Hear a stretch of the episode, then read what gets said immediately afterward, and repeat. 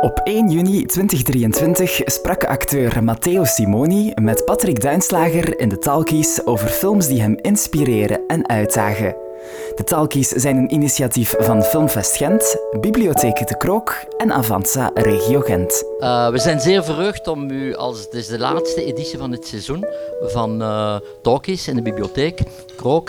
En we zijn natuurlijk zeer blij om als afsluiter Matteo Simoni te hebben, die, enfin, het zou beledigend zijn om, om te zeggen wat hij al allemaal gedaan heeft. Het zou ons ook zeer verleiden, want hij is ook zeer productief. Maar het is iemand die de laatste, ik kan het slecht rekenen, 15 jaar in, in, in de Vlaamse film, televisie enorm aanwezig is. En die eigenlijk heel boeiende dingen ook doet. Uh, de laatste film die ik gezien heb met Matteo is, uh, was trouwens een heel groot succes. Uh, de film van Robin Pront, Zillion. En, en ik denk dat veel mensen dat gezien hebben, dat is een reusachtig succes. Maar vanavond zijn we hier om over de films te praten die voor die eigenlijk voor Matteo iets betekend hebben of waar je iets speciaal wil over vertellen.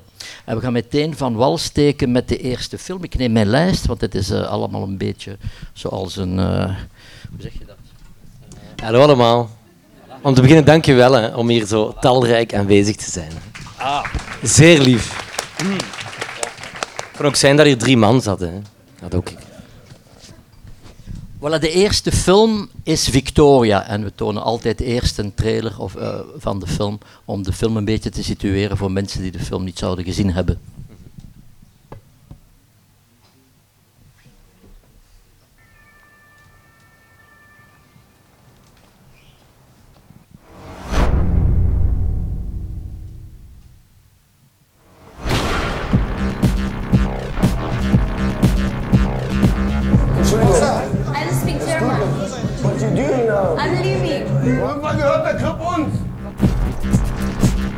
What's your name? Victoria.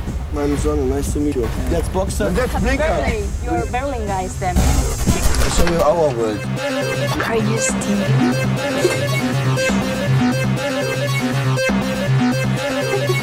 you touch my ass. Say sorry. I'm so, it's so, With a heart. Sorry.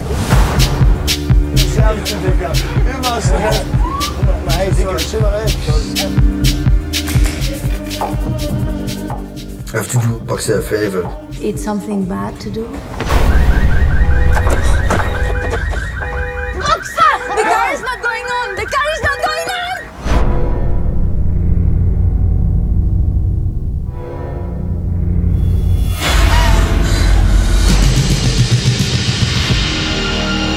I want to go with you. Was ist denn das für eine Scheiße? Spricht kein Deutsch?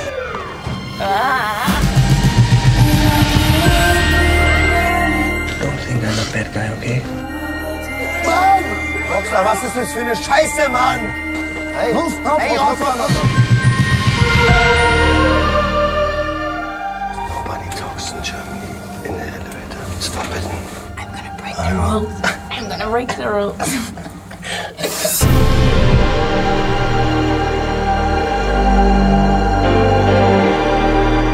be in Berlin.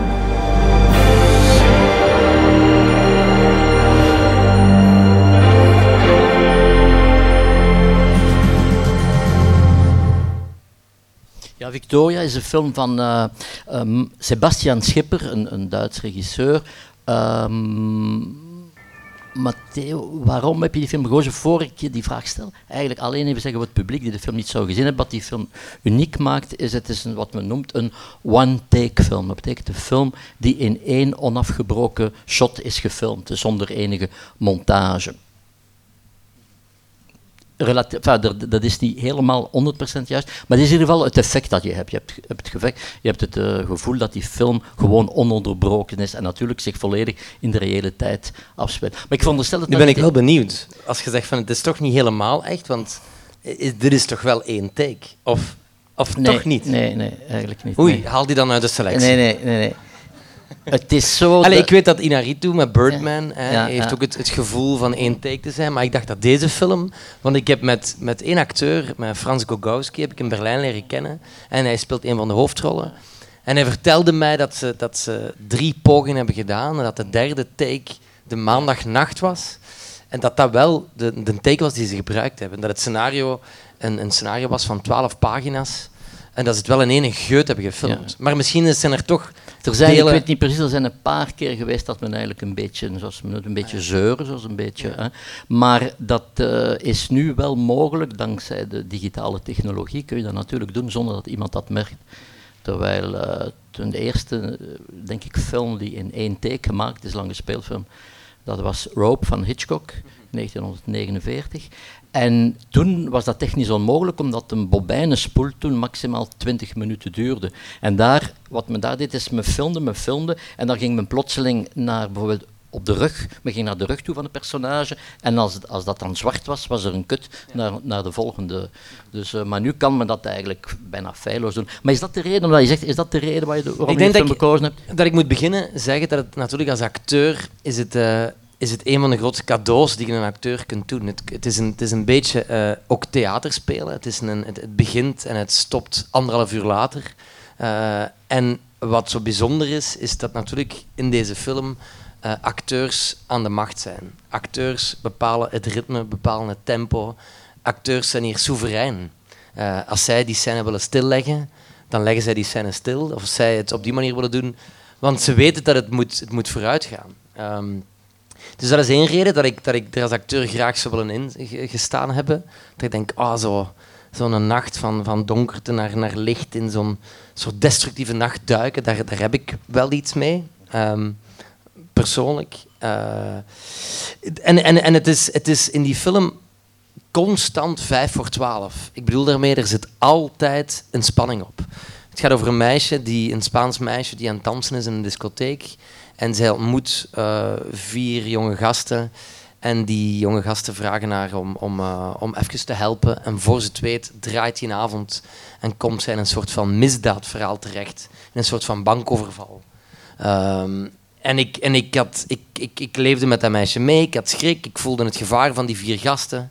Eh, en ik, en ik, ik, ik heb daar iets mee, omdat ik zelf zo wel heel hard in mijn leven al heb meegemaakt dat nachten ineens eh, omslagen in, in een soort van eh, paniek, in een angst. Is het met vrienden in een soort auto-accident? Is het in een overval waar ik eens heb ingezeten? Ik heb ooit in Lissabon met Stef Aarts, waren wij 18, gingen wij drinken. eh, en wij stapten naar huis, naar ons hostel. En ineens sprong er iemand achter de auto met een geweer. Give all your fucking money! Maar echt, echt gebeurd. Ik denk dat mijn hartslag van 0 naar 1000 schoot. We zijn naar beginnen lopen voor ons leven. Eh, zo lopen, denkende dat je een kogel in je rug krijgt. Eh, en, en een paar keer in mijn leven overvallen geweest. En ik weet niet waarom, maar of een paar keer in een discotheek gestaan waar dan ineens werd gevochten. Ik, laat alle, dat duidelijk zijn. Ik ben alles behalve iemand agressief. Ik loop er eerder van weg. Eh, maar daar toch, door in Limburg op te groeien, in een bepaalde scene terechtgekomen, waar de nachten soms ineens durfden te keren. En die angst of zo, maar ouder worden, eh, ik probeer dat nu altijd te mijden. Ik heb daar een soort van, van eh, schrik voor gepakt. En die film benaderde dat op een bepaald moment. Ik denk, ah, de, de, de foute plaats zijn, het foute moment. Eh, mensen die te veel gedronken hebben, die, die vanuit jaloezie een glas pakken, een glas kapot slagen. En je moet er maar eens in de buurt staan, dat soort dingen. Ik, ben daar, ik heb nu zelf een dochter en ik heb, ik heb, ik heb daar echt angsten over. Over zo de, de, de dingen waar je geen controle over hebt. En zeker eh, ja, jonge mensen die, die, die, eh, die willen bluffen naar elkaar toe, die willen, willen pochen en dat loopt vaak mis. Ja, die de grenzen opzoeken. En tegelijkertijd heeft het voor mij ook iets heel nostalgisch en, en melancholisch van zo, ah, de jong zijn en niet weten, alleen op stap gaan. Ik deed dat af en toe wel. Alleen aan een café zitten, iemand tegenkomen en een ongelooflijke avond hebben. Dat, dat, dat, dat doe ik nu minder. Eh, maar ik mis dat ook wel. Ehm, ik merk als ik in het buitenland ben, dan kan ik dat af en toe wel eens doen. Maar hier in België, oh, zo in Hasselt in een café gaan zitten. Ik weet het niet. In Gent moet dat toch kunnen? hè? In Gent moet dat kunnen. Vanavond kunt je mij vinden ergens.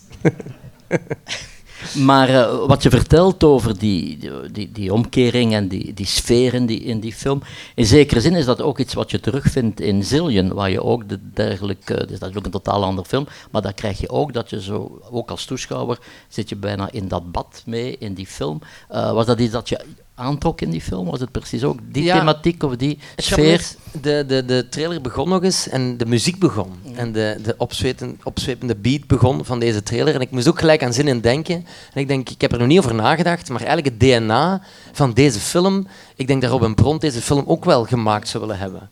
Eh, en ik denk dat Robin Pront hier zeker ook mee zou relaten met dit soort toon en dit soort constante eh, eh, stress en donkerte waar je induikt. Ehm, en dat trok me natuurlijk aan bij Cillian. Eh eh Cillian is een... Is een, is een ik moet het verhaal niet meer helemaal schetsen, maar was voor mij... Ik was toen nog te jong, ik ben daar nooit meer geweest. Maar mijn broers gingen daar naartoe. En ik heb letterlijk mijn broers weten, die waren ouder, eh, weten vertrekken met een trein naar Antwerpen. Die kwamen dan s ochtends terug om zeven uur. En ik was daar zo jaloers op. En dat was zo'n de wereld waar ik alleen maar kon dromen om daar eens binnen te, te mogen. Dus die film doen, dat was, dat was voor mij echt eh, een cadeau dat dat, dat dat dan toch in mijn leven, mocht ik daar toch ooit geweest zijn, omdat ik mij wou spiegelen aan mijn broers die zij destijds waren of zo. En, eh, en, eh, en ook omdat het ja, heel filmisch is. Een soort, soort donkere... De dingen die niet mogen, de dingen die je niet mocht zien, die achter gesloten deuren gebeuren in zo'n film, ja, dat, dat is natuurlijk intrigerend. En daar was ik als kind, als jonge gast of als puber heel hard gefascineerd door. Ehm, ja, en dan, en dan de, de grootste eh, motivatie om ja te zeggen was natuurlijk die rol die ik mocht spelen. En dat, en dat ik daar, dat ik daar de, de, de, de humor van inzag van zo'n personage, maar tegelijkertijd ook de tristesse en het slechte. En het, en het, ik, dat was, een, dat was, een, dat, dat, was een, een, breed, een brede waaier waar ik daar kon spelen. Ik had, ik had veel comedy gedaan, vond ik.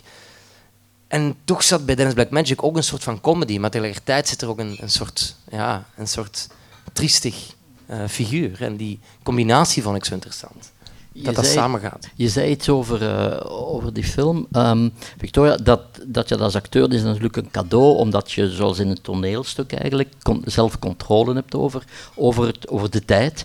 Maar anderzijds ehm, is, lijkt het mij toch ook heel moeilijk voor acteurs, omdat ze door in zo'n film te spelen, kun je niet elke scène eigenlijk opbouwen. Je moet voortdurend eh, in de juiste emoties zitten, terwijl men zegt toch ook dat bij veel acteurs het heel belangrijk is dat je voor elke nieuwe scène, elke andere soort emotie, tijd hebt om dat op te bouwen. En hier krijg je dat niet. Je moet je dat in, in twee uur, twintig minuten allemaal eh, voor elkaar krijgen. Is dat niet iets dat je zou, dat je zou afschrikken mocht je zo'n film moeten doen? Nee, ik, ik snap wat je zegt, maar ik denk dat de scène die je, als het hier begint, begint het. En de scènes die je gespeeld hebt, neemt je letterlijk mee.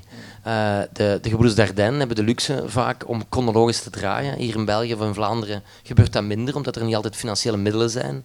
Maar als het gebeurt, ik heb het een paar keer wat half mogen doen, dat je een scène speelt op draaidag 1, ook de eerste scène van de film, en dat je dan stelselmatig opbouwt. Dat is het grootste cadeau die dat er is, want je kunt altijd reflecteren en reageren op hetgene wat je hebt gespeeld. Eh, en het is de regisseur vaak die, als je een serie doet, je erbij moet houden en zegt, ja, nu komen we daar binnen, maar je hebt juist dat gespeeld. Dat, is een puzzel, een planning en een puzzel om op een set te staan. En dus daarom denk ik dat dit net heel gemakkelijk is. Maar uiteraard zullen die acteurs naar kijken en zeggen, "Tjoe, daar vond ik mijn eigen minder goed, of daar was ik niet zo scherp, of daar ga ik dat moeten zeggen. Ja, dat is natuurlijk het nadeel. Maar dat is ook, dat is ook het speciaal aan dit soort film. Dat je, dat, het is wat het is en daarmee moet je het doen. We hebben vier takes. En ik heb eigenlijk met, met Bruno van den Broeke en Rut Beekmans heb ik, eh, heb ik een beetje hetzelfde gedaan. Ik wil onze film allesbehalve vergelijken, maar toch ook een beetje. We hebben een voorstelling gemaakt eh, tien jaar geleden, Hechten, over twee broers die eh een ene wil de andere broer verrassen met een prostituee uit te nodigen voor een uur. En die broer wil dat cadeau helemaal niet hebben. En die komt binnen en die zegt van... ik wil niet dat jij gaat, blijf hier met ons drieën. En die drie mensen, die twee broers en die prostituee praten een uur lang. Waarin de tijd continu is. Hè. Het is een, een narratief. En we hebben eigenlijk van dat toneelstuk ook een film gemaakt. eh, Trio. En die is in de bioscoop geweest. En toen hebben wij, ik denk een, een, een, een zestal jaar geleden, ook een 30.000 bezoekers gehaald. En dat was een low-budget film met eigen middelen die we hadden ingestoken. We hadden het eigenlijk gemaakt voor bij ons, voor op de kast te zetten. Maar toen dat die film klaar was, zijn we daarmee naar, de, naar KFD gegaan, naar Kinepolis, naar Vier. En die hebben die willen uitbrengen. En nu af en toe zenden ze die film uit. Ehm, en daar was dat ook één take. Dus ik, ik heb het zelf al een beetje gemaakt, waardoor ik er veel affiniteit mee heb. En ik weet de cuts die je kunt maken over een streep, over zwart, zoals je zelf gaf, over een rug. Tegenwoordig, als je de camera swipet, kun je ook in die swipe knippen. Je kunt over een witte muur, als je in dat huis... Bij Trio gingen wij vaak over een schilderij ja, aan de, de rand van dat schilderij kunt je ook een volgende scène laten beginnen. Dus ik, ik heb na het maken van die film naar deze film met andere ogen gekeken en vooral ook naar Birdman gekeken. Ah, die, die, die eerste, ik weet niet of jullie Birdman gezien hebben, van Inarito. Dat begint eerst in toneel en zo ge- je voelt echt van waar, waar liggen die, die kuts om naar die andere wereld te gaan. Dat is daar heel erg. Ehm, en dat is hier ook, ik fantastisch. Ja. Oké, eh, want ik kan meteen zeggen, de vijf films zijn allemaal heel, heel verschillend, wat, wat, wat natuurlijk interessant maakt. De tweede film eh, is Ace Ventura, Eh, ook soms genoemd Ace Ventura Pet Detective. Ik denk dat dat de volledige titel is. Een film uit 1994.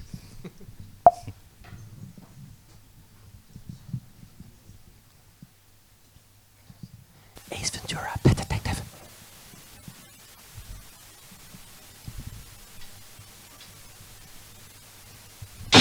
They faced incredible odds and unbeatable enemies to earn the name Hero. But now there's a new way to spell action.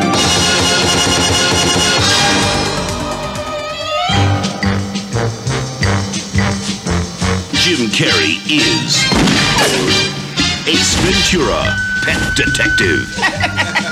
He's the best there is. Excuse me, gentlemen. Pet detective. Actually, he's the only one there is. You really love animals, don't you? If it gets cold enough. Now, the mascot of the Miami Dolphins has been kidnapped, Oh, righty then. and he's on the case of a lifetime. Listen, pet dick. How would you like me to make your life a living hell? Well, I'm not really ready for a relationship, Lois. There's no place he won't go. Captain's log, stardate 23.9. Ace, get out of the tank. I just can't do it, Captain. I don't have the power. Nothing he won't do. And no one he can't handle. Hey! If you do anything to embarrass me in front of camp, What? Like this?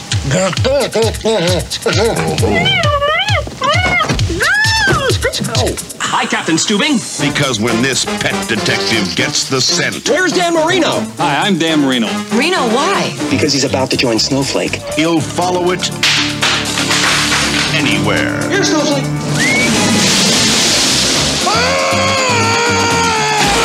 Jim Carrey is Do not go in there. Ace Ventura, Pet Detective. Yes, yes, yes. Ja. Daar word je nu toch gelukkig van, niet? Ja. Het is een film van, van een zekere Tom eh, Shadyac, maar ik denk dat iedereen zegt, het is een, een film van Jim Carrey.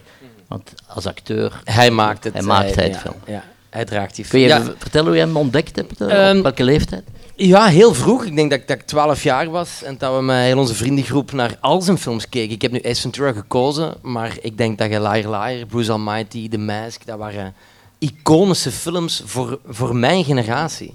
En dan heb ik het vooral over de, de mannelijke kant. Ik had, de vrouwelijke vriendinnen die ik had, waren nooit altijd zo fan van de groteskheid van, van Jim Carrey. Ehm, maar, maar mijn mannelijke vrienden vonden dat allemaal ongelooflijk. En ik, en ik heb nooit... het is pas met ouder worden dat ik de genialiteit van hem als acteur eh, heb gezien. En de, de, de virtuositeit. En hoe uniek is hij in zijn, in zijn spel. Er is niemand anders op deze wereld dan Jim Carrey. En ik bedoel, we zijn, we zijn allemaal uniek als acteur. En, en als, als ik een rol speel of iemand anders met dezelfde tekst, zal het anders zijn. Maar wat Jim Carrey doet, is, is wel ongezien. En ik, en ik, en ik, eh, allee, ik, ik, ik durf zeggen in mijn leven dat ik als acteur comedy, ehm, dat ik dat, dat, is, dat is iets belangrijk in mijn leven. Ik, ik, ik beheers dat meer. Ik heb daar meer controle over dan drama of dan... En als ik Jim Carrey zie, dan, dan is daar, dat was vooral een voorbeeld, laat dat duidelijk zijn, waar ik mij heel hard aan heb gespiegeld. Maar de dag van vandaag eh, merk ik wel dat we in Vlaanderen weinig dat soort films maken.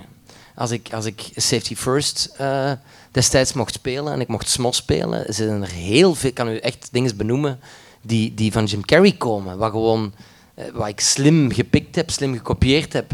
Eh, maar dat was dan een kader binnen een soort van sitcom, dus dan mocht je karikaturaler kleuren. Ehm, maar ik zou het, het zou een droom zijn om hier in Vlaanderen films te maken à la Jim Carrey, met een soort van, van eh, pet detective die op zoek gaat naar een vermist dier. En dat, daar niet, dat daar niet platvloers naar gekeken wordt. Want dat is heel snel de neiging, ja, zo'n comedy, het zal wel wat. Terwijl ik denk net, via comedy gaat je soms rechtstreeks naar de harten van mensen. Mensen die aan het lachen zijn, stellen er veel rapper hun hart open om daarna aan het roer te geraken. Dus ik denk als dat de combinatie zou zijn, en ik weet het is, Jim Carrey is vrij groot. Hij heeft ook andere films gemaakt, hè. Eh, Eternal Sunshine of a Spotless Mind, waar hij, waar hij een kleinere, eh, eh, kwetsbaardere Jim Carrey laat zien. Maar, maar deze soort films, ja, dat, ik hou van die dikke kleuren die hij, die hij speelt. En, en, en, de, en ik kijk nog liever naar de bloopers. Dat je ziet van, ah, maar wat, wat, wat tovert hij allemaal uit zijn mouw?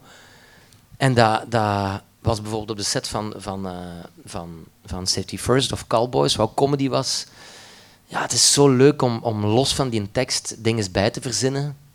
Ehm, en nog moppen eruit te halen. Dat de regisseur vaak zegt, Matteo of, of Rick of Stef, doe maar rustig. Ze noemden mij ook plamuurmerken Simoni, omdat ik alles nog vol wou. Plamuren met extra moppen. Maar dat is omdat ik denk, ja kom, we hebben maar een half uur voor die scène, laten we er alles uithalen. En ik, ik hou wel van ehm, in spel, van een energie naar voren of zo. Ik denk dat je dat al merkt als ik hier zit. Eh, en dat is zo. En ik, en ik, en ik wil in de toekomst dingen creëren waar ik dit soort rollen ook kan blijven spelen.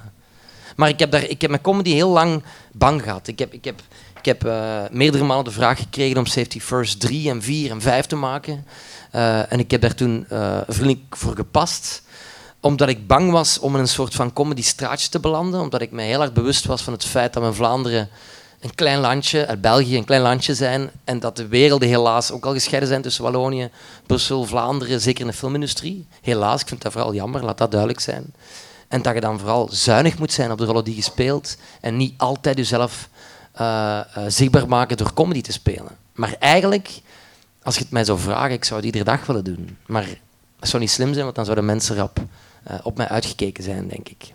En ik heb nu juist na zeven jaar nog eens een comedyfilm gespeeld, maar in Nederland. voilà, dat was superleuk. Ja. En dat mag het ook hier te zijn. zien- Gaan we die hier te zien krijgen binnenkort. Ja, het is een, het is de, een film heet eh, The Bachelor en het gaat over, het is een beetje de hangover. eh, Over vier vrienden die naar Italië gaan ehm, en die, die eh, nog eens gaan feesten omdat een van die, van die vier vrienden vader gaat worden. En daar lopen die tegen een, een, soort gestoorde Italiaan en dat ben ik. Dus ik speel geen Hollander, maar ik speel een Italiaan. In het Engels, een soort maffiabaas die, die eigenlijk een heel klein hartje heeft. Maar maar dat was heel fijn wat te mogen doen. En, en in Nederland wordt dat soort films dus wel vaak gemaakt. Ik weet, ik weet niet waarom dat het is, maar misschien dat de Nederlandse taal... ehm, komen daar beter mee weg. Ook heel veel slechte films. Omdat ze er zoveel van dat soort genre maken. Maar in België hebben we er precies bang van om daar zuiver voor te kiezen. Om zuiver voor zo'n comedyfilm te kiezen. Dus dit is een oproep aan alle regisseurs. Bel me. Schrijf me. Zonder iets, iets af te doen aan, de originaliteit van eh, Jim Carrey. Maar zoals alle komieken zijn er natuurlijk ook wel precedenten. En één acteur van vroeger waar hij toch vaak naar refereert, denk ik, is Jerry Lewis. Die vooral in de jaren... Ik weet niet of je die films gezien hebt. Die waren in de- ik ken daar niet, Ja. niet zoveel van. Wel, dat Ik was weet in de jaren 60 was dat wat jij nu zegt over Jim Carrey, was dat toen de komiek, eh, die maakte Ja. twee films per jaar, een Amerikaanse komiek, die werden op maat voor hem geschreven en die had vaste zou ik moeten zien? En die zei fantastisch, want dat was zeer extreem Hmm. fysieke comedie. En als je een, eh, even bij The Nutty Professor, de originele ja, ja. versie van later de remake, ehm, is, is van, van en met Jerry Lewis. En hij heeft een film gemaakt, The Disorderly Orderly, die denk ik zijn beste is van fysieke comedie, want dat speelt zich in een ziekenhuis af. Mhm. En de zwarte humor die je daar eh, natuurlijk uit extreme situaties in een ziekenhuis haalt, zeker een film die denk ik, Ja, die nu nog modern is. Dus, eh, Dat wil ik zien. Voilà. Maar ik, had, ik heb nu Jim Carrey gekozen, maar ik had ook wel Ricky Gervais kunnen kiezen Mm. of zo. Wat een, wat een, een beetje generatie daarna is. Die een soort human interest toon Mm. te pakken had met The Office en met de extras. Daar, Dat heeft mij ook gevormd. Maar dat, dat, dat, dat is een beetje hetzelfde wat Jan Elen, denk ik, voor een hele generatie hier in België heeft gedaan. Jan Elen heeft voor mij ook de comedy in België ook verlegd. Van, van een soort ehm, absurdisme naar, naar authenticiteit. En de Gloria, allee, ze zenden het nog altijd uit en ik kan er nog altijd mee lachen. Het, het, het lijkt maar niet gedateerd te zijn. Het is het een beetje in kleren, maar in de zinnen die ze zeggen en in de kwetsbaarheid en de, en de ja, dat, dat, dat, dat, dat heeft mij als mens helemaal gevormd. Ja. Oké. Ja, voilà. Ehm, derde film, de, de, de Engelstalige titel is The Hand of God, maar die- zoals alles klinkt dat allemaal veel mooier in het Italiaans. Eh è stata la mano di Dio. Oh, dus, je zult natuurlijk veel beter Stata uitspreken. la mano di Dio. Voilà. Prachtige titel. Ja, prachtig. Voor een Prachtige prachtige film. film. We gaan eerst even naar de, Ah. de trailer kijken. Dat is de mooiste film.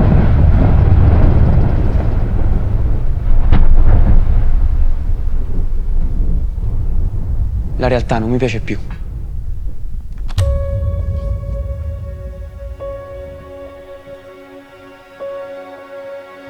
La realtà è scadente.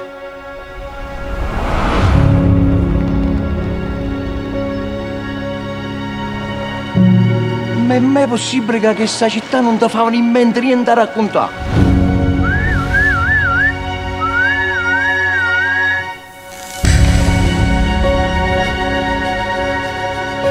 Ed era bellissima.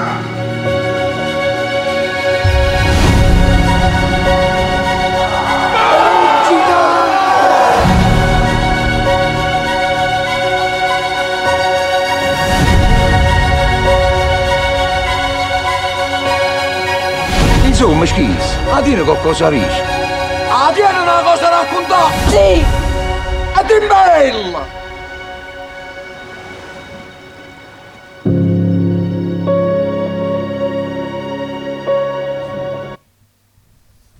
Eerst even een, een dienstmededeling, wat ik vergeten was. Eh, omdat het moeilijk is voor de mensen van de bibliotheek om zich te mengen in deze zaal die nogal dicht bevolkt is. Wie iets wil drinken, die zal dat misschien beter zelf aan de bar gaan halen. Eh, voilà, want mensen krijgen soms wel dorst eh, om, zeker om, als ze naar jou luisteren.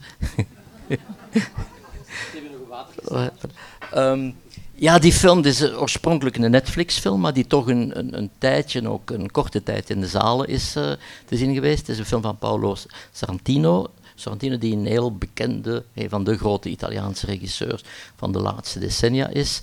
Eh, je, je zei die meteen, zei, ja, prachtige film. Eh, was dat een soort coup de foudre? Vond je dat meteen... eh, had Ja. iets te maken met de regisseur, met zijn vorige films? Wel ja, ik, de, Great Beauty, de, de, zijn eerste film, vond ik ook fantastisch, maar dat, dat ging minder over mezelf. Dat ging over de decadentie in, eh, in, in, in, in Rome. En dit gaat over, over een jongen die eh, zijn stem zoekt. Over een jongen die zoekt naar wat heeft hij te vertellen. Zo een echte film ook. Eh, wat is uw verhaal? Ehm, een coming-of-age verhaal van een jongen die opgroeit in Napels. En, en ik zeg nu Napels, want dat is heel belangrijk in deze film. Dat gaat over een jongen die, die, die om te kunnen groeien moet weggaan uit die stad. Een stad die, die stilstaat en die vreugde met zich meedraagt, maar tegelijkertijd ook een, ook een tristesse. En ik, ik ben voor Marina destijds naar het zuiden van Italië gegaan om Italiaans te leren. En toen ik eraan kwam, eh, in 2011, ik was nog jong en ik, dat was het mooiste wat ik ooit had gezien. De, van stranden tot architectuur, tot, tot, tot eh, leerkrachten, tot eh, de sprit, tot, tot alles. Tot, tot de cultuur dat zij uitdroegen. En dan ben ik daar twaalf jaar later nog eens geweest met mijn vriendinnen, met mijn dochter. En dan merkte ik dat het na twaalf jaar, dat, dat, dat dorp Tropea was blijven stilstaan. Maar letterlijk, er was niks veranderd. Dezelfde mensen stonden aan dezelfde hoek van de straat. Dezelfde, en, dat, en ik, werd daar, eh, ik, vond dat, ik werd er wat ongelukkig van. Of ik, ik, ik, ik, ik, ik was blij dat ik daar terug was. En ik kreeg een glimlach op mijn gezicht. Maar tegelijkertijd had ik ook compassie. En ik, ken, ik, heb, ik heb nog altijd veel Italiaanse vrienden vandaar. En ze ontsnappen allemaal aan de, aan de, de, de, de, de macht van ja, toch de maffia die dat daar, dat daar toch deel overruled. En die moeten allemaal naar het noorden, die moeten weg. Die moeten, boven Rome, dus dit is Napels, dus dat is redelijk zuidelijk. Boven Rome, hoe hoger je gaat, hoe meer kansen dat er zijn voor een Italiaan. En deze film is dat ook, dat ontsnappen uit die stad. Dat ontsnappen uit je kop, dat ontsnappen uit... En dan, ehm, en dan gewoon de, de beeldtaal of de, de, de, ja, de, de, cinema, de, de, de beeldvoering van deze film.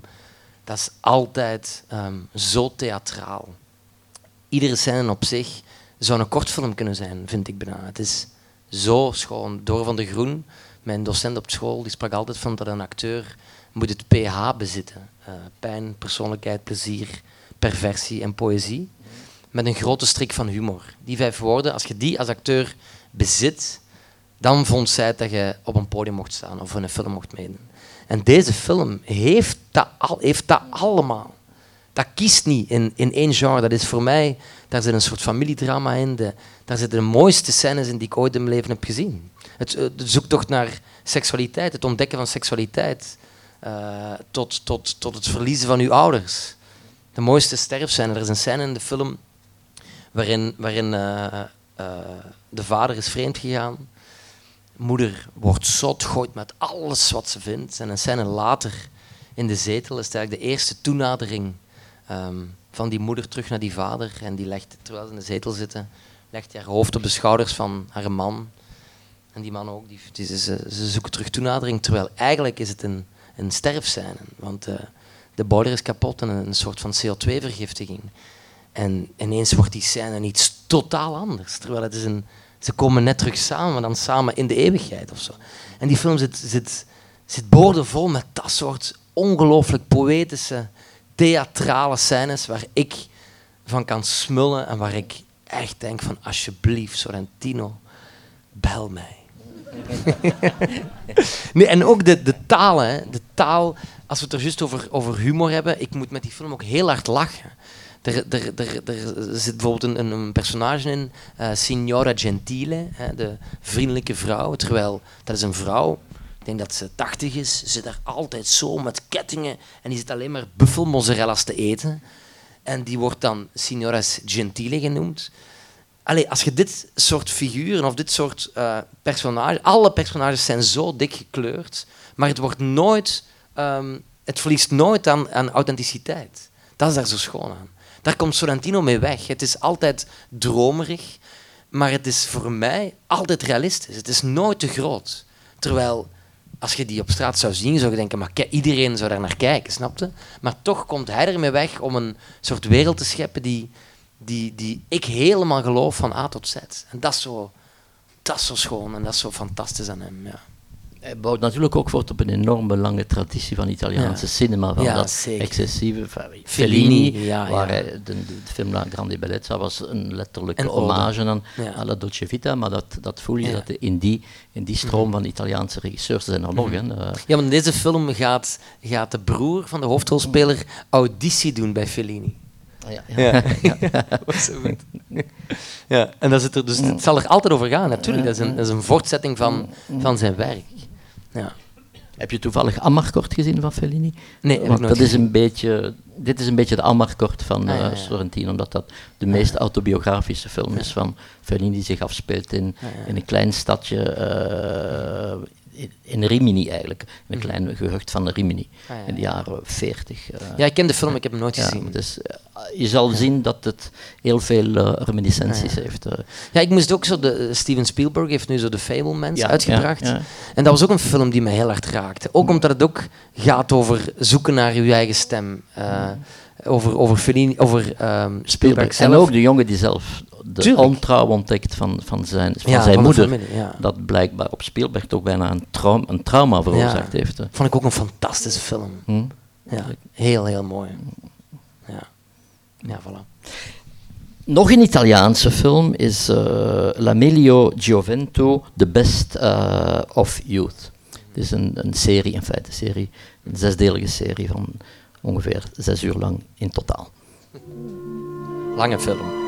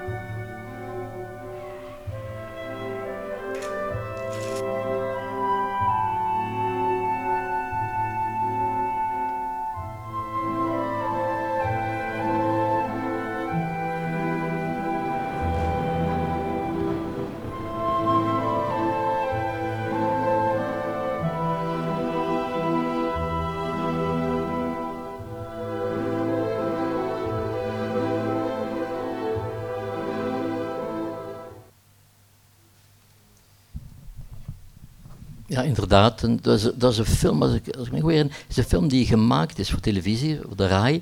En uiteindelijk uh, was RAI, de televisie, niet zo gebrand om die film uit te zenden. En is hij dan in de bioscoop gekomen, want ik herinner me dat ik hem dan in Cannes gezien heb voor het eerst. Um, en ja, was voor iedereen die de film zag een enorme revelatie. Ook een, uh, we kenden de regisseur niet zo goed. Uh, nu nog niet trouwens, Marco Tullio Giordana die merkwaardig genoeg uh, twee films, hij had al andere films gemaakt, maar twee van zijn films gaan over Pasolini. Hij heeft ook een boek over Pasolini geschreven, dus hij was heel, laten we zeggen, bezeten of heel ge, geobsedeerd door Pasolini. Maar vertel even over die film, wat je, over die serie, want het is, een, het is bijna een roman, hè? Het is, het, is, uh, het is een film die voor mij helemaal de nagel juist slaat op vlak van uh, hoe dat een gezin... Um, fungeert. Dat een gezin um, omgaat met het verlies van een, van een, van een zoon. Uh, het gaat eigenlijk over twee broers, Nicola en Matteo. En Matteo pleegt op een bepaald moment in de film zelfmoord. En daar laat een soort van donkerte, zwarte kleur achter bij al de personages die nog overblijven. En aangezien ik zelf een broer heb verloren in mijn leven toen ik 16 jaar was, is die film gewoon een, een, een soort kopie, een soort van spiegel voor, voor, uh, voor scènes die ik zelf heb meegemaakt. Dus ik denk dat het daarmee te maken heeft dat dat heel dicht komt. En dan kijk ik vooral naar het moederfiguur. Er is een, de, de, moeder in, deze, in dit verhaal. Ja, hoe dat je... In, in, zelden in, in films heb ik het verdriet van zo'n gebeurtenis zo juist weten doseren en zo juist weten weergeven. Ik vind het vaak te weinig in films. Ik denk, nee, een, een, een verlies van een kind wat dat, dat doet met een gezin, hoe dat die breuk of die donderwolk alles door elkaar haalt, dat je drie jaar niet uit je bed kunt komen, dat je geen vreugde meer ziet, dat is, het, dat is in deze verhaal ongelooflijk goed weergegeven. En, en uh, ja, daar, daar, daar, daar, daar, uh, daar word ik stil van. Ik kan er nog altijd naar kijken, naar die film. Uh, en de liefde voor elkaar. En er wordt heel vaak in die film ook niet gesproken. Wat ook binnen een gezin zo is, snap je? Je, zet elkaars bloed. Dus je weet en je voelt wat je kind, wat je zoon, wat je broer voelt. Door in elkaars ogen te kijken. En daar, daar zit die film vol van. Tegelijkertijd is het een, is het, gaat het over een, een, een familie. Maar op de achtergrond heb je een geschiedenis van Italië. Het begint in de jaren 60, denk ik, tot 2000. Dus je krijgt 40 jaar geschiedenis van Italië, die meegroeit met de geschiedenis van dat gezin. En dan was ik zo fan van die film. Um, en dan ineens kreeg ik een telefoon van Stijn Konings over Marina. En dan zei Stijn Konings, ja, en ik, er is een acteur en die gaat misschien uw vader spelen in Marina. En dan bleek dat gewoon de hoofdrolspeler van L'Amico Juventud te zijn. Uh, Luigi Locascio heeft mijn vader in Marina gespeeld.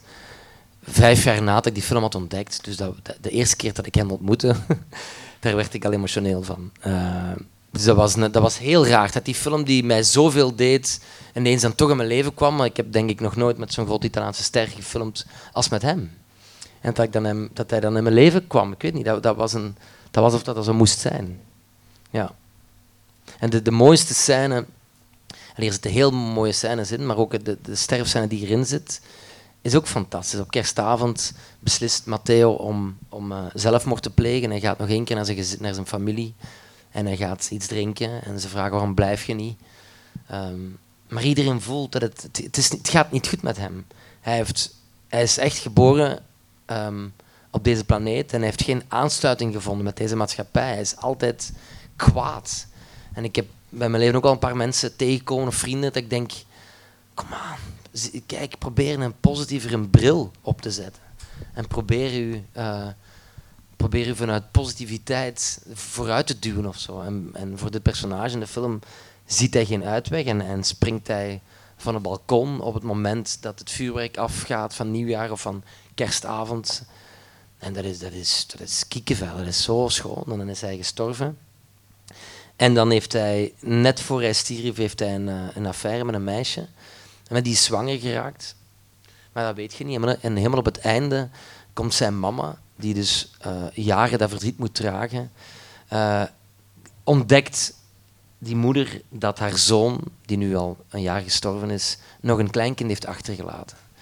En het is een, een scène in Stromboli die, die zo schoon is, waar dat jongetje met zijn rug zit en die nonna komt voor de eerste keer op die trappen gelopen. En die draait zich om en, die, en dat jongetje zegt ciao nonna. En zij kijkt in de ogen van haar kleinkind voor de eerste keer. Van ik heb, mijn zoon heeft iets achtergelaten, een kleinkind. En je kijkt eigenlijk in de ogen van haar zoon. Oh, dat is zo schoon. En dat is zo simpel eigenlijk. Dat is zo klein. Dat hoeft niet... Ik weet niet, daar... daar ehm, ja, voilà. Er zijn, en er zijn ook honderden scènes die, die heel mooi zijn. En dan de, de, de, de, uh, de, de persoon waar hij dat kindje mee heeft gemaakt, is een fotograaf. En zijn broer, Nicola, leert die kennen later. Van, ah, je had iets met mijn broer.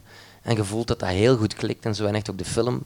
Je voelt dat die liefde voor elkaar begint. Maar ja, zij was de ex of de, de, de minnares van zijn broer. Dus we, mogen, we kunnen dit niet maken, we mogen dit niet doen. En aan het allerlaatste scène gaan zij met hun twee wandelen. En dan komt Matteo, die, die je al drie uur niet meer hebt gezien, die zelfmoord heeft gepleegd, komt hij toch ineens op dat gras gelopen en die pakt die twee vast. En die knuffelt die en die duwt die een beetje dichter bij elkaar. Als een soort van toestemming van jullie mogen, jullie mogen elkaar graag zien, het is oké. Zie elkaar graag. En twee seconden later loopt hij weg en beginnen zij te kussen. En je zou denken, maar dat is zo klef dan iemand die uit de dood komt. Maar dat is zo juist gedaan en dat is zo juist gedoseerd dat dat zo schoon is. Omdat die natuurlijk allebei op dat moment zijn ze met hun gedachten bij Matteo. Van, ik kan dit niet maken ten opzichte van mijn broer en zij niet voor, voor de, de, de, partner die ze die moet missen. Maar toch geeft hij zijn toestemming. Enfin, dat is, ik weet niet. Kijk er maar eens naar. Dat is zo mooi. Ja.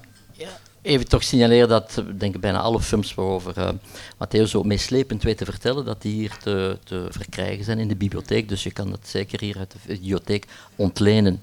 Dus misschien, want tenslotte wat we hier ook doen, proberen we mensen aan te zetten natuurlijk om de Mhm. films waarover zo, zo met zoveel emotie wordt verteld, om die ook zelf even te checken of er zelf even naartoe te gaan. Zou leuk zijn. Maar een vraagje die ik wou aansluiten op dat Italiaanse, het zijn twee Italiaanse films. Mhm. Ehm, jouw Italiaanse roots, je, je, je ouders zijn afkomstig van welke... En wel, maar dus dat is een, een, beetje een, een misvatting. Allee, ik, ben, ik heb een Italiaanse naam, maar eigenlijk ben ik sinds drie jaar, sinds mijn, mijn partner Loredana tegen te komen in mijn leven, veel Italiaanser geworden dan ik eigenlijk ooit was. Mijn, ik ben van de eerste generatie Italianen. Is, mijn familie, is de familie Simoni. Dus mijn overgrootvader is in de jaren twintig. Is hij van het noorden van Italië, van Trento, is hij naar België gekomen om in de mijnen te werken. En mijn grootvader is in België geboren. Dus mijn grootvader is, is, is geboren in de jaren, ja, jaren 30 en heeft een Belgische vrouw leren kennen. Dus mijn vader was al een soort van halve Italiaan. Mijn vader heeft dan een vrouw leren kennen, mijn moeder van Lier. Dus wat ben ik? Maar een kwart of een achtste Italiaan.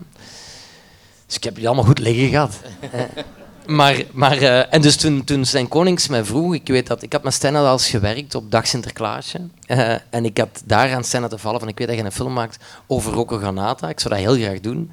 En zei Stena, ja, maar jij spreekt geen Italiaans, want ik was nooit Italiaans opgevoed. Mijn grootvader, waar ik, die, die op 100 meter van ons vandaan woonde, die had wel echt een Italiaanse mentaliteit. En daarvan heb ik dat wel echt allemaal meegekregen. Maar thuis, het eten dat wij thuis kregen, of, dat was niet Italiaans eh, gekleurd. Nu, zoveel jaar later, eh, heb ik Loredana Fallone leren kennen, mijn vriendin. Dat is echt Italiaanse. En die is van de vierde generatie Italianen. Haar ouders zijn van Sardinië, van Abruzzo, hebben nog een Italiaans paspoort. Zij spreekt thuis Italiaans. Zij spreekt Italiaans met mijn dochter. Dus hoe mooi. Allee, ik, ik ben zo fier om te zeggen dat mijn dochter veel Italiaanser is dan ik ooit geweest zal zijn. En dat die eh, Italiaanse roots er terug in is. En dat ik heb nu veel meer affiniteit met, met Italië dan vroeger. En Marina was, was het startschot van een soort ontdekkingsreis voor mij om, om te voelen dat ik daar toch affiniteit mee heb. En dat ik daar toch echt vandaan kom. En ik hoop om eh, in de toekomst nog meer, meer in het Italiaans te spelen en vooral ehm, dat soort mooie zinnen mogen uitspreken en dat soort, soort cultuur ehm, ja, op het scherm te, te kunnen tonen, of ik weet niet. Is er dan iets wat je speciaal doet om in Italiaanse films een kans te krijgen? Of is het iets dat je meer aan het lot overlaat? Of kun je dat in Nee, ik ben, zekere wel zin sturen? proactief, ik ben wel proactief bezig. Het is zo dat, dat er in Limburg, eh, rond de mijnen, van Houtala tot Genk tot Maasmechelen, zijn er generatie Italianen aan het uitsterven. Hè. Het is, het is, allee, er zijn nog altijd Italianen. De, de, de, de, de sferen en de wijken zijn er nog altijd, maar het is minder traditioneel. En ik denk dat het, en ik ben iets aan het ontwikkelen, ehm, om daarover te hebben. Om het te hebben over het uitsterven van die Italiaanse gemeenschap in, eh, in België. Ja. Dat is één ding. En tegelijkertijd ben ik, ben ik af en toe self-tapes, audities aan het doen voor Italiaanse casting directors. Ehm, en het feit dat, die, dat ik in die comedyfilm heb gespeeld, uh, dat was de Italiaanse casting director van die film, is eigenlijk een hele grote casting director ook. heb ik dan leren kennen, dus ik geloof wel in een soort van, op een dag komt dat wel terug. Maar ik ben daar wel, allez, ik, ik geloof niet zo hard in visualisatie, maar tegelijkertijd wel. Probeer ik dingen wel uh, in mijn gedachten daar te leggen en daar naartoe te wandelen en, en dingen wat te, te, te sturen. Ja. Combinatie van beide. Combinatie van beide. En het is, allez, sowieso is een carrière, heeft dat te maken met geluk, maar ook met hard werken en ook met, met niet in uw lui zetel gaan liggen en, en blijven zoeken naar, de, naar diverse projecten. En streng voor uzelf zijn en vooral veel nee zeggen. Ik denk dat, dat ik daar tot nu toe het vierste op ben om te, om te kan zeggen dat ik vaak nee heb gezegd. Waardoor Zillion op mijn pad komt, waardoor Wil nu met de Milans binnenkort uitkomt. Dat zijn zo andere films. En ik denk dat ik die alleen maar nu kan doen, omdat ik vaak streng ben geweest en, en nee heb gezegd. Ja. Oké. De, de vijfde film is geen Italiaanse film, is een Amerikaanse film, Whiplash. Film uit uh, eh, 2014.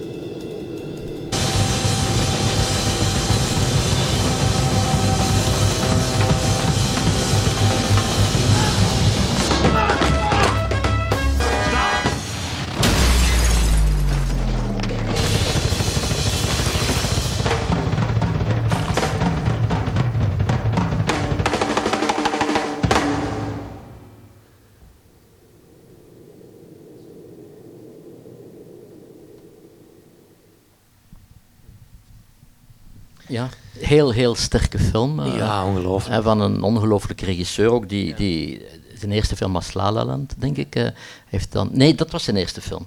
De, La La Land was daarna. Ja, La La Land was daarna. First, First Man. Babylon. Babylon nu. Heb jij genoten van Babylon? Ja, ik vond dat een beetje de Amerikaanse Zillion. Ik ook. ik vond het ongelooflijk. Dus, uh, ja, ik vond dat een fantastische ja, film. Ik maar het was... niet zo goed gedaan, heeft het niet zo goed gedaan, hè, die film, die laatste film. Nee, ik, ik, denk dat wat de regisseur wel heeft, en dat is dat mensen soms desoriënteert. Elke film is ongelooflijk verschillend van de andere. Mhm. en, en men verwacht altijd iets en men zit dan, krijgt men iets in dat totaal, mhm. totaal niet klopt met de verwachtingen. Mm -hmm. uh, maar het is in ieder geval een film die de moeite, die de ja, moeite vond ik ook. En maar, maar, deze film... Um, ja, misschien moet je even zeggen, want het is interessant voor een acteur om daar over die film te horen praten, want in feite de dramatiek en de intrigue van de film, dat zou ook over een, een acteur kunnen gaan. Hier gaat het over een, een uh, muzikant, een jazzpianist. Uh, Ja, hier gaat het over een, een, jonge gast die eigenlijk de beste drummer ter wereld wordt, wilt worden en zich aansluit bij een, uh, bij een jazzorkest en wordt gedrild door, door de dirigent, door J.K. Simmons gespeeld. En en vooral, ja, ik, ik, moet beginnen zeggen dat, dat drum in mijn leven een belangrijke rol speelt. Ik denk als ik geen acteur zou geworden zijn, dat ik drummer zou geworden zijn. Mijn grootvader, Italiaanse grootvader, waarover ik sprak, was een drummer. Mijn vader is een drummer, is op dit eigenste ogenblik ergens in het land aan het drummen. En ik, heb heel, ben opgevoed met een studio thuis bij ons in Limburg in de kelder. En ik heb eigenlijk altijd als jonge gast op een drumtoestel gezeten. Um, en dan is toneel in mijn leven gekomen en ben ik dat beginnen doen.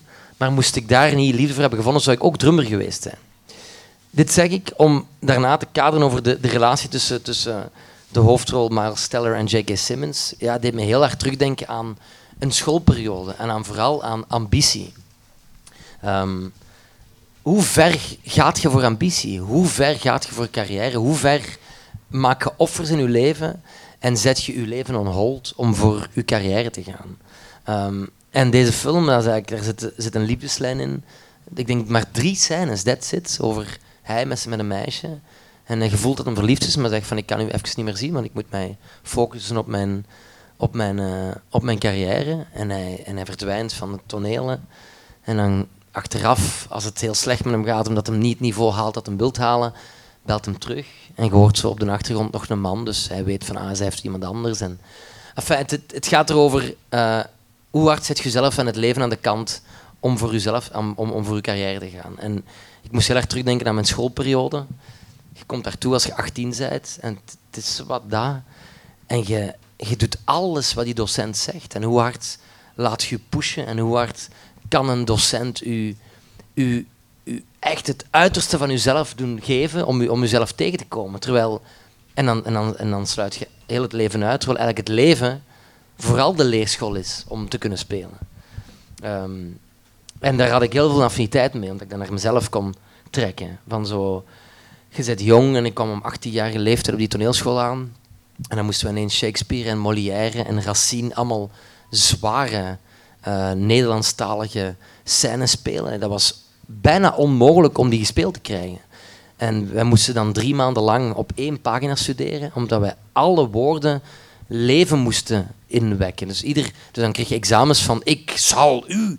Dus dat waren rare examens, maar het was wel de leerschool om, om een tekst van binnen en van buiten um, te onderzoeken van wat kun je allemaal met ene zin.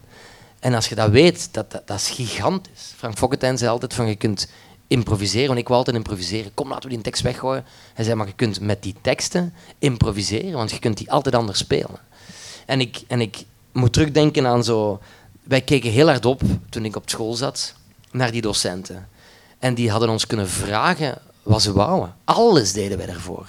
Snap je? Tot op het bot zaten wij s'avonds met een glas rode wijn nog te zoeken naar de juiste toon. En ik had daarbuiten geen leven meer. En ik, en ik had pas door dat het loslaten van een te hard te willen. De dag dat ik het losliet op school, was in het laatste jaar, dat ik dacht van, ah, ik... ik uh... Wat ik u zei van die vijf P's. Hè? Dora zei altijd tegen mij, ja Matteo, ik, uh, ik mis pijn bij u. Hè? Ik zie plezier, ik zie perversiteit, ik zie persoonlijkheid, ik zie uh, van alles, maar pijn... En ik had zoiets van, maar ik, ik zei dat niet, maar ik dacht dat wel. Van, ik heb mijn broer verloren, ik weet misschien als beste van heel die klas hier wat dat pijn is. Maar ik had dat weggestopt. Ik had dat een plek gegeven waar niemand moest aankomen. En ik was dat misschien te geforceerd aan het opzoeken. En ik dacht, als ik nu die laatste examen, dat we speelden uh, de thuiskomst van Pinter. En ik dacht, als ik daar nu eens niet naar op zoek ga en ik ga gewoon spelen vanuit een plezier en ik ben mezelf, gewoon Matteo, dan zal er wel pijn te zien zijn. En dat bleek ook zo te zijn. Omdat een mens wordt gevormd door de dingen die hij meemaakt en de littekens op zijn ziel maken van iemand een acteur dat hem is. Of... En eh, als jonge gast wilt je, wilt, je, wilt je van alles meemaken om, om die donkerte op te zoeken. Hè? Je, je, je, gaat er dan romantiseren. Als je, als je het met je lief en geweend, gaat je dan nadenken, ah, hoe weinig ik kan opschrijven. En dat is fucked up eigenlijk. Dat is eigenlijk niet oké. Okay. Snap je? Maar ja, toch is de, het leven de grootste leerschool van alles. En die, die relatie tussen die twee in die film, ging, was voor mij een, een terugblik naar mijn, naar mijn theaterschool. En, en hoe hard je alles on hold zet en offers maakt om, om de top te bereiken. Snapte?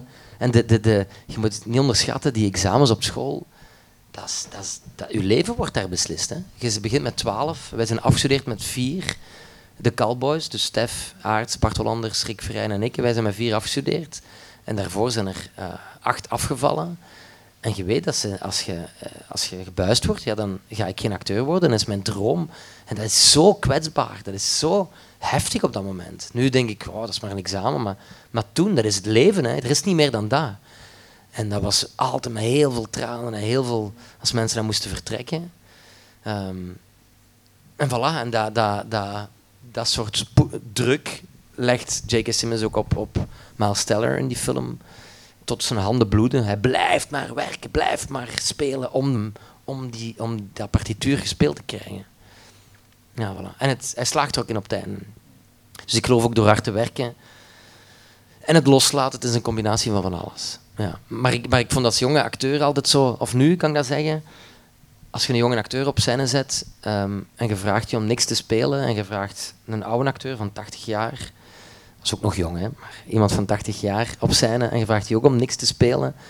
Ja, sorry, in de ogen van die oude man gaat je veel meer het leven zien. Gaat je veel meer een soort geraamte en relief zien dan bij zo'n jonge kerel. En dus je kunt ook maar spelen op een jonge leeftijd wat dat je te spelen hebt. Soms heb je acteurs dat je denkt van, wie is dat? Waar hebben ze die gehaald? Die halen een soort van brutaliteit boven. Maar niet iedereen kan dat. Omdat niet iedereen nog niet, niet zo snel getekend is door het leven of zo. Dus dat is toch iets wat je moet loslaten. Op jonge leeftijd al, maar dat weet je dan nog niet. En dat vind ik zo vind ik moeilijk. Of vind ik ook schoon tegelijkertijd. Het is een, ja. het is een film van 2014. Maar ik, vond, ik vind het ook een beetje merkwaardig hoe die film um, nu op, toch op, an, met andere ogen zou bekeken worden. De film staat toch een beetje haaks op de huidige tijdgeest. Want wat de film toont, ben een beetje kort door de bocht, die jongen wordt vernederd, die wordt geterroriseerd.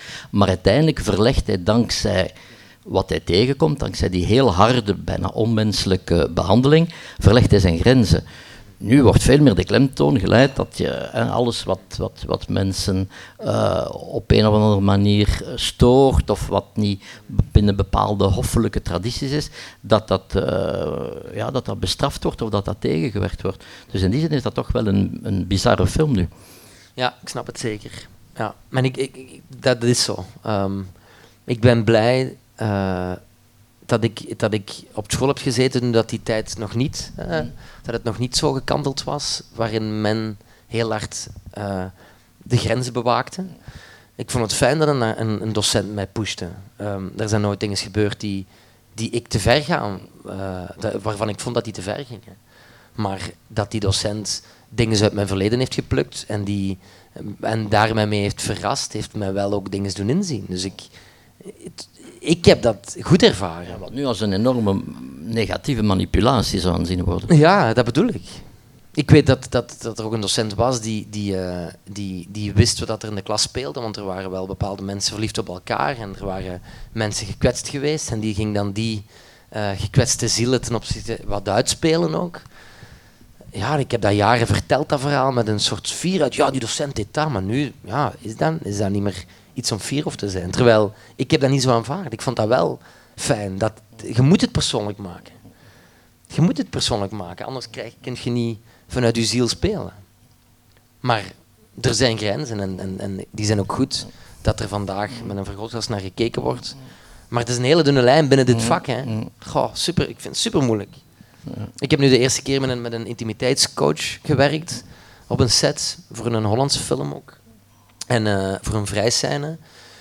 En ik vond dat prima, omdat je wist wat je ging doen. En het is ook goed dat dat gedaan werd. Maar dat is voor mij alleen maar nodig als dat, als dat voor die actrice en voor die regisseur moet op dat moment. Dat hoeft voor mij niet altijd zo te zijn. Mm. Maar ik moet toegeven dat ik het ook wel fijn vond. Want ik ben ook onzeker over bepaalde gedelen van mijn, uh, stukken van mijn lijf. Of ik wil ook liever dat niet. Snap je? Want er wordt altijd dan vaak gezegd dat dat meer bij de vrouw lag of zo, maar in zo'n vrijscène vond ik het ook tof om als man ook kwetsbaar te mogen zijn en te zeggen, sorry, maar dit wil ik liever niet, dat je mij hier aanraakt. Dus ik vond dat echt goed dat dat er is. En, maar waar, waar we voor moeten waken is dat, dat iemand jong niet durft zeggen, als het een eerste film is, dat ze het ook zou willen. Snap je? Mhm. Want dat heb ik ook al eens gehoord, van, dat een jonge actrice nee, dat hoeft niet voor mij, terwijl... Nee, nee, jij moet dat niet beslissen. Het productiehuis of de producent moet beslissen om dat toch te doen. En, en dat hij sowieso kan praten met iemand. Um, maar maar, maar zo, als, ik, als, ik, uh, als ik denk aan zo'n anekdote van bij ons op school, op een gegeven moment hadden wij les van Peter Gorissen, ook een acteur, en die, uh, wij deden daar improvisatiesessies mee. En wij duikten in een rol van 1 tot 7 uur, zo 6 uur. Dus dan moesten wij een rol creëren vanuit improvisatie. En dan hadden wij in de Zwarte Zaal uh, in Antwerpen in de Singel, wat een grote zaal was, ik denk gelijk deze ruimte, hadden we ieder zo een soort kamp gebouwd. En daar gingen we dan twee uur in zitten. De ene was meer een zeeman, de andere was meer een monsterkid. De andere... En dan gingen we onszelf schminken en dan, en dan uh, zei hij, oké, binnen een uur moet er hier in het midden van de zaal iets gebeuren. En ik, dat is geëindigd dat wij die zaal half in de fik hebben gestoken. En dat we naar de directeur moesten gaan, omdat heel die voer was opgesmoord, van, omdat wij een soort begrafenis hadden gehouden voor iemand die er dan niet was. En daar kun je op terugkijken, van, ging dat nu te ver? Want dan ging die soms naar huis en dan gingen wij door. En dan zei er niemand stop. En dan liepen we daar met z'n vieren naakt rond. En dat, dat, was wel echt iets, maar dat was eigenlijk de beste tijd. En vooral omdat op een school moet je eh, mocht je fouten maken. En dat is in deze film bijna niet. Hè. Hij, hij, wordt, hij, doet mee aan een, aan een ensemble en daarin zijn er geen fouten eh, veroorloofd. En dat was leuk aan een school, dat je dus wel fouten mocht maken. En, ik, en, en, en daarom vind ik dat ik ook ziet aan een acteur die van een toneelschool komt, die heeft vooral zichzelf leren kennen omdat hij op zijn bakjes mocht gaan. En dingen gespeeld wat rete slecht was om daarna te weten, dat gaan we niet meer doen en dat wel. En dat, snap je, zo, dat was zo, zo fijn. Ja. We hebben ook nog iets gedaan op die toneelschool. Dat is ook een verhaal, ik heb dat nog niet vaak verteld, maar, maar uh, in datzelfde trimester, dus we hadden een improvisatieluik, zeiden ze ook altijd, ja, maar spelen moet, moet uh, echt zijn. Dat moet, uh, het moet echt zijn, het mag nooit gespeeld zijn. En dachten we, ja, weet je wat, we gaan, we gaan een examen houden. En hoe cool zou het zijn, moesten mensen met ons meedoen die, uh, die niet weten dat ze aan het spelen zijn, die niet weten dat ze in een examen staan. En dan hebben wij eigenlijk met ons vieren, Bart, Stef, en ik, hebben wij een soort fake productiehuis opgericht. En hebben wij uh, een, een, een fake productiehuis opgericht, Viewmaster Media. En dan hebben wij audities uitgestuurd op castingforums om meisjes uit te nodigen om op auditie te komen voor een reeks. En die reeks was nooit geschreven. En we dachten, wat als die nu auditie komen doen op onze examen, zonder dat ze weten dat ze eigenlijk in ons examen zitten. En tijdens die examen vertellen we die meisjes dat het eigenlijk allemaal niet waar was. En dat is echt gebeurd. Uh, en dat is misgelopen. Dat is, dat is echt... En ook, want een avond ervoor, we, hadden, we, hadden, we hebben die meisjes... We, we, hebben, op een, we hebben een soort casting uh, lokaal gehuurd. En hebben we scènes gespeeld met die meisjes. Hadden we er acht gekozen. We speelden vier avonden. En dan hadden we alle leerlingen die gebuist waren... In de twee jaar ervoor hadden we allemaal opgetrommeld. Van jullie mogen meedoen. Als wij, een soort van arrogantie naar de school toe. Als wij willen dat jullie meedoen, dan doen jullie mee. En die vingen die meisjes op, die brachten die naar boven, die schminkten die. En dan kwamen die, hadden wij in de Zwarte Zaal een soort van decor gebouwd met een dolly, een travel, want we hadden een kortfilm meegespeeld. We hadden gezegd, we spelen mee als wij uw materiaal mogen lenen. Dus die, die toneelzaal was omgetoverd tot een studio. En het publiek kwam binnen en die dachten van, wat is dit hier? Dat is een film. En dat was een filmset, dat was live een filmset. Maar die meisjes dachten dus dat ze, dat ze een auditie aan het doen waren. En dan hadden we iets van de avond ervoor van, wat, wat hebben we in gang gestoken? Dit is niet oké. Okay, is, is, en hadden we dat nu gedaan, na de schooluren, hadden we een proces aan ons been. En zeker in deze tijd, en zeker... Um, maar binnen dat schoolgegeven zijn wij beginnen experimenteren, hebben dingen gezocht. Um, en dan zijn die, hebben, is, is er ruzie ontstaan op scène, zo gezegd, van dit kan niet meer. En dan heb ik de, de, de muur omvergeduwd. En dan hebben de meisjes ingelicht. En dan begon op een gegeven moment de ploeg die we hadden gevraagd zich ook te keren tegen ons. Van kom, zeg het nu maar. Zeg maar wat dit allemaal is. En hebben wij op ons knikkende knieën uh, daar verteld. En hebben wij die meisjes uh, uh, achteraf hebben daarmee gesproken. En ze heeft gezegd, dan moet je mij thuis afzetten. En zijn we ons vieren naar dat meisje naar huis gegaan, waar die vader open deed. Die ons een preek heeft gegeven van gewelste, want dat was die, dat meisje naar droom. Dat was verschrikkelijk. En ik ben met dag vandaag, en ons alle vier, zijn nog altijd heel, heel uh, uh, schuldig aan het feit dat we dat gedaan hebben. Maar waarom zeg ik dat nu? Naar aanleiding van deze film, ja, om zo schoolperiode buiten jezelf treden en denken dat je de waarde en pacht hebt om dingen te zoeken en om, om ver te gaan voor die authenticiteit op te zoeken. Dat was wat we wouden. Hè. Of dat hadden we onszelf wijsgemaakt. Van ja, maar jullie willen dat we echt zijn. Wel, dit is echt. En het zotte was dat dat de school ook heeft verdeeld. Want er waren docenten die dit ongelooflijk interessant vonden. Maar Door van de Groen was razend. Hè, van dit, is, dit, dit, dit is niet waar ik voor sta. Dit kan niet, het, nu, ik wil die meisjes nu zien. Die heeft haar verontschuldigd. De school heeft zich nog verontschuldigd. Um, ja.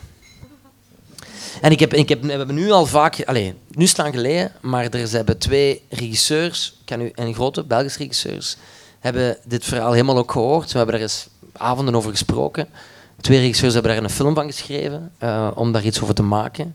Maar uiteindelijk is het nooit gemaakt geweest, omdat het, omdat het dan ging over ja, wij moeten dat spelen, maar dan kwam dat toch te dicht bij onszelf. Uh, en dan hebben we gedacht van misschien moeten jonge mensen het spelen, maar toen, toen ze dat vroegen van we gaan het andere mensen laten spelen, toen waren wij nog te koppig en zeiden van nee, dat willen wij niet. Dus voorlopig zit het verhaal nog bij ons. Maar misschien, als we het zouden maken, dan moeten die meisjes van toen moeten de hoofdrollen spelen en moeten de sterren van die film worden. Dat is wel duidelijk. Nogmaals excuses. Dank u. Ik denk dat ook wij op het uh, einde van deze, ja, van deze talkies gekomen zijn. Uh, van harte dank. Uh, het was een heel, heel lerige, heel interessante talkies. ik denk ook dat het publiek ervan genoten heeft. Dank u, dames en heren, om hier zo grote getallen aanwezig te zijn. Ja, een applaus. Ik kan nog wel wat babbelen, hoor. Hoe zeg je? Ik kan nog wel wat babbelen, hoor. Maar het is de, ik denk dat de bibliotheek op bepaald uur sluit. Het, uh, Knap. En, uh, Iedereen wil die Ace Ventura gaan halen. ja, ik hoop het. Ja. En ook die andere films. Hè. Okay, um, toch nog even signaleren dat uh, het, was de, het was de laatste editie van het seizoen van Talkies. Maar de Talkies gaan op een meer dagelijkse basis uh, keren terug tijdens het filmfestival, Filmfest Gent, uh, van 10 tot 21 oktober. En dan de, krijg je dagelijks een, een Talkies. En dan vanaf het nieuwe jaar, dus vanaf januari waarschijnlijk, heb je dan weer de maandelijkse Talkies hier in de bibliotheek. Dank u wel voor jullie aanwezigheid Dank u wel. aandacht. Dank u wel.